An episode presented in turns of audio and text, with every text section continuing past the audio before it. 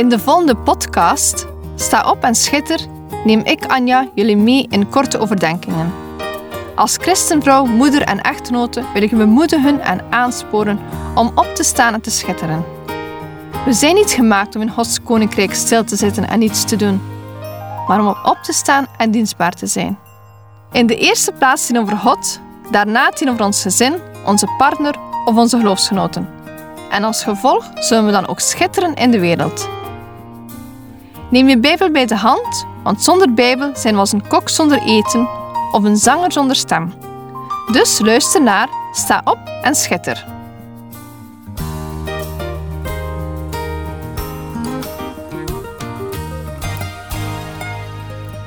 We zijn aangekomen in de uitzending 19 met als thema Onze Tempel. Dit onderwerp sluit goed aan bij de twee vorige uitzendingen waar ik sprak over de Heilige Geest en de schepping. Ik heb het toen al even aangehaald dat ons lichaam een tempel van de Heilige Geest is. Vandaag wil ik daar dieper op ingaan. Ik lees voor uit de herziene statenvertaling. 1 Korinthe 6, versen 19 en 20. Of weet u niet dat uw lichaam een tempel is van de Heilige Geest, die in u is en die u van God hebt ontvangen? Dat u niet van uzelf bent. U bent immers duur gekocht. Verheerlijk daarom God in uw lichaam en in uw geest, die van God zijn. Ons lichaam is gewoon fantastisch opgebouwd. Het is nog veel ingewikkelder dan de meest uitgebreide computer.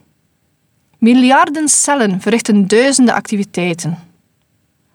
Zonder dat wij het weten, regelt ons lichaam automatisch zijn eigen temperatuur, de spijsvertering, de hartslagen, de ademhaling en nog veel meer. We hebben meer dan 206 botten die ons skelet vormen. Deze geeft stevigheid aan ons lichaam en beschermt sommige organen, zoals onze hersenen, longen en hart. We hebben ongeveer 600 spieren. En of je het gelooft of niet, in elk haartje op ons lichaam zit een spiertje. Dat merk je als je kippenvel krijgt. Het spiertje van elk haartje trekt dan samen. Nog een paar leuke weetjes. Als je lacht, gebruik je 15 spieren. Als je je wenkbrauwen fronst, gebruik je 40 spieren. En als je een stap zet, gebruik je 200 spieren. Dan hebben we nog onze hersenen, zenuwen en zintuigen. Ons lichaam is zo uniek, maar ook zo kwetsbaar. Ik weet dat er veel mensen zijn die geconfronteerd worden met lichamelijke uitdagingen. Met pijnen die niet overgaan. Met een ziekte, een beperking, waarmee ze moeten leren leven. Ik heb respect voor mensen die ondanks lichamelijke strijden positief in het leven staan. God zegt dat ons lichaam een tempel van de Heilige Geest is. Als ik aan een tempel denk, dan zie ik een prachtig gebouw ter ere van God. Denk even aan de tempel in Jeruzalem. Daar ging je naartoe als je zelf een offer wilde brengen en in het reine wilde komen. Zo spreekt het Oude Testament over de tempel. God zelf woont daar. En nu wordt ons lichaam vergeleken met een tempel. Mijn en jouw lichaam is de plek waar God zelf wil wonen. Om precies te zijn, God, de Heilige Geest. Dus niet even op bezoek komen, maar daar zijn intrek nemen om er te wonen. Daar is jouw lichaam hem dus niet te min voor. Paulus wilde hiermee iets belangrijks en duidelijk maken tegenover de Corinthiërs. De Corinthiërs waren bezig om het evangelie aan te passen aan de Griekse filosofie. Ze waren van mening dat het lichaam niet belangrijk was. Ze zeiden dat moet je geestelijk zien. Je denken en je geestelijk leven moet afgestemd zijn op God. Het lichaam deed er niet toe. Wat je met je lichaam deed was niet interessant. Je moest volgens hen alles geestelijk zien. Paulus gaat hier tegenin.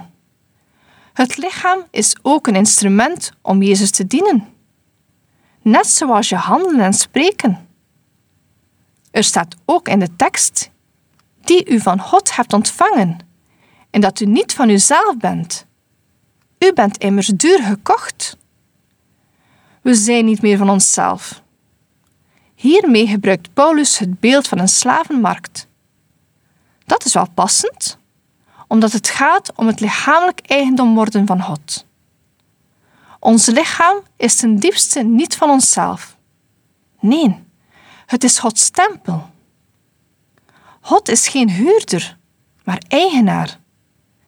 Hij heeft het hele lichaam bedoeld als woning voor zijn Heilige Geest. Je moet dus met je lichaam omgaan als een tempel. Heel simpel. Je verzorgt je lichaam, verwaarloost het niet. Voldoende nachtrust, bewegen, ontspanning, stress vermijden, tijd met God en gezond eten. Juist omgaan met je lichaam is een keuze. Je brengt ook geen schade toe aan je lichaam. Je kan op vele manieren schade toebrengen aan je lichaam. Verslavingen zijn daarin grote boosdoeners. Alcohol, tabak, seks, drugs en hoksverslaving bestaan al eeuwen. Ook zelfverminking komt vaak voor.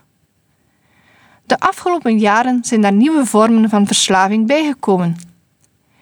Denk aan gameverslaving, sociale media en nieuwsverslaving. Als ons lichaam een tempel van de Heilige Geest is, dan moeten we verslavingen en zondes wegdoen uit ons leven. We moeten God verheerlijken door een heilige en reine levenswandel. Paulus leert ons dat we verantwoordelijk worden gehouden voor de zorg van onze geestelijke tempel. In 1 Korinthe 3, versen 16 en 17 staat er: Weet u niet dat u Gods tempel bent en dat de geest van God in u woont? Als iemand de tempel van God te gronde richt, zal God hem ten gronde richten. Want de tempel van God is heilig en deze tempel bent u. In deze tekst gaat het over personen die bewust de tempel van God ten gronde willen richten. Dat kan zijn door dwaalleer. Als ik terugdenk aan de tempel, dan denk ik aan een tempelreiniging. Volgens het Marcus-evangelie gaat Jezus daar fel tekeer. De scène speelt zich af op het tempelplein, niet in de tempel zelf. Hij drijft de mensen naar buiten, keert de tafels ondersteboven, gooit de stoelen om. Daarmee legt hij alles op het tempelplein stil. Opeens is het stil.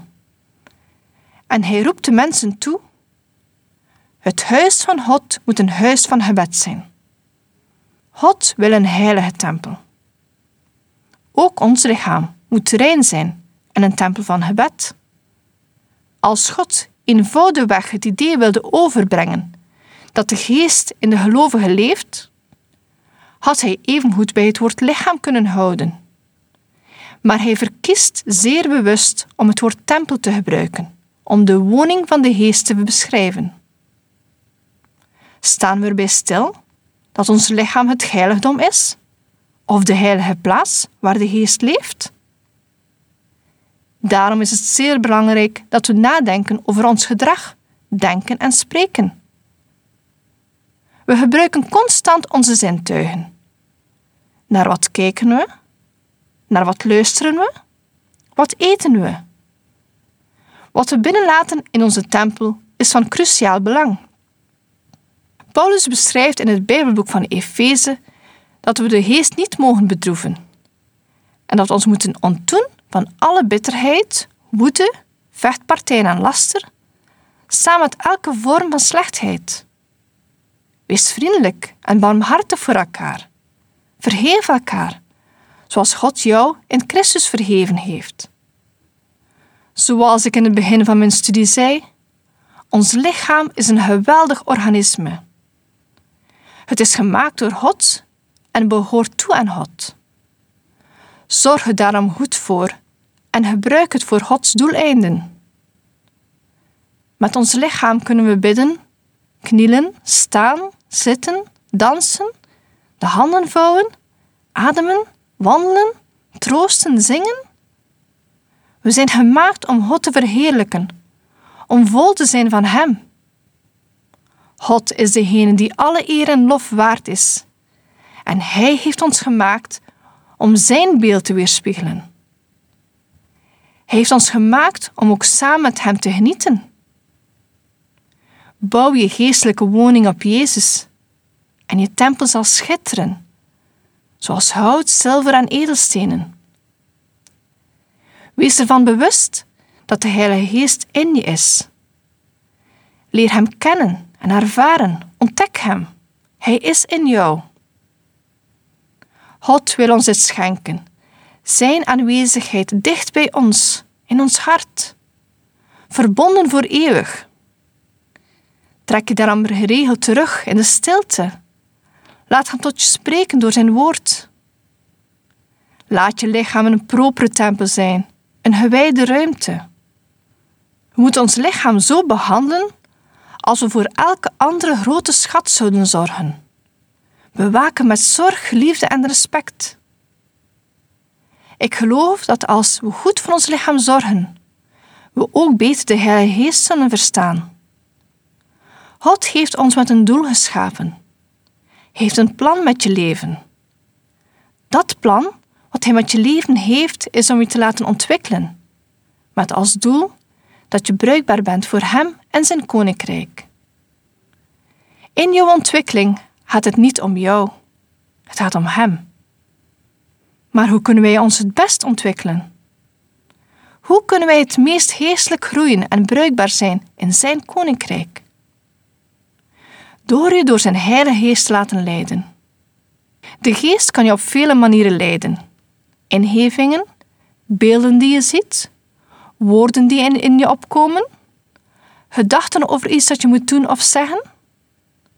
Het is ook iets waar we mogen naar verlangen. Rekening houden met het feit dat Gods geest vrij is om in mensen te werken. Bij iedereen kan het anders zijn. De stem van de Heilige Geest versta je allereerst in de Bijbel. De Geest heeft de woorden van de profeten laten vastleggen, de woorden en daden van Jezus en de woorden van de apostelen.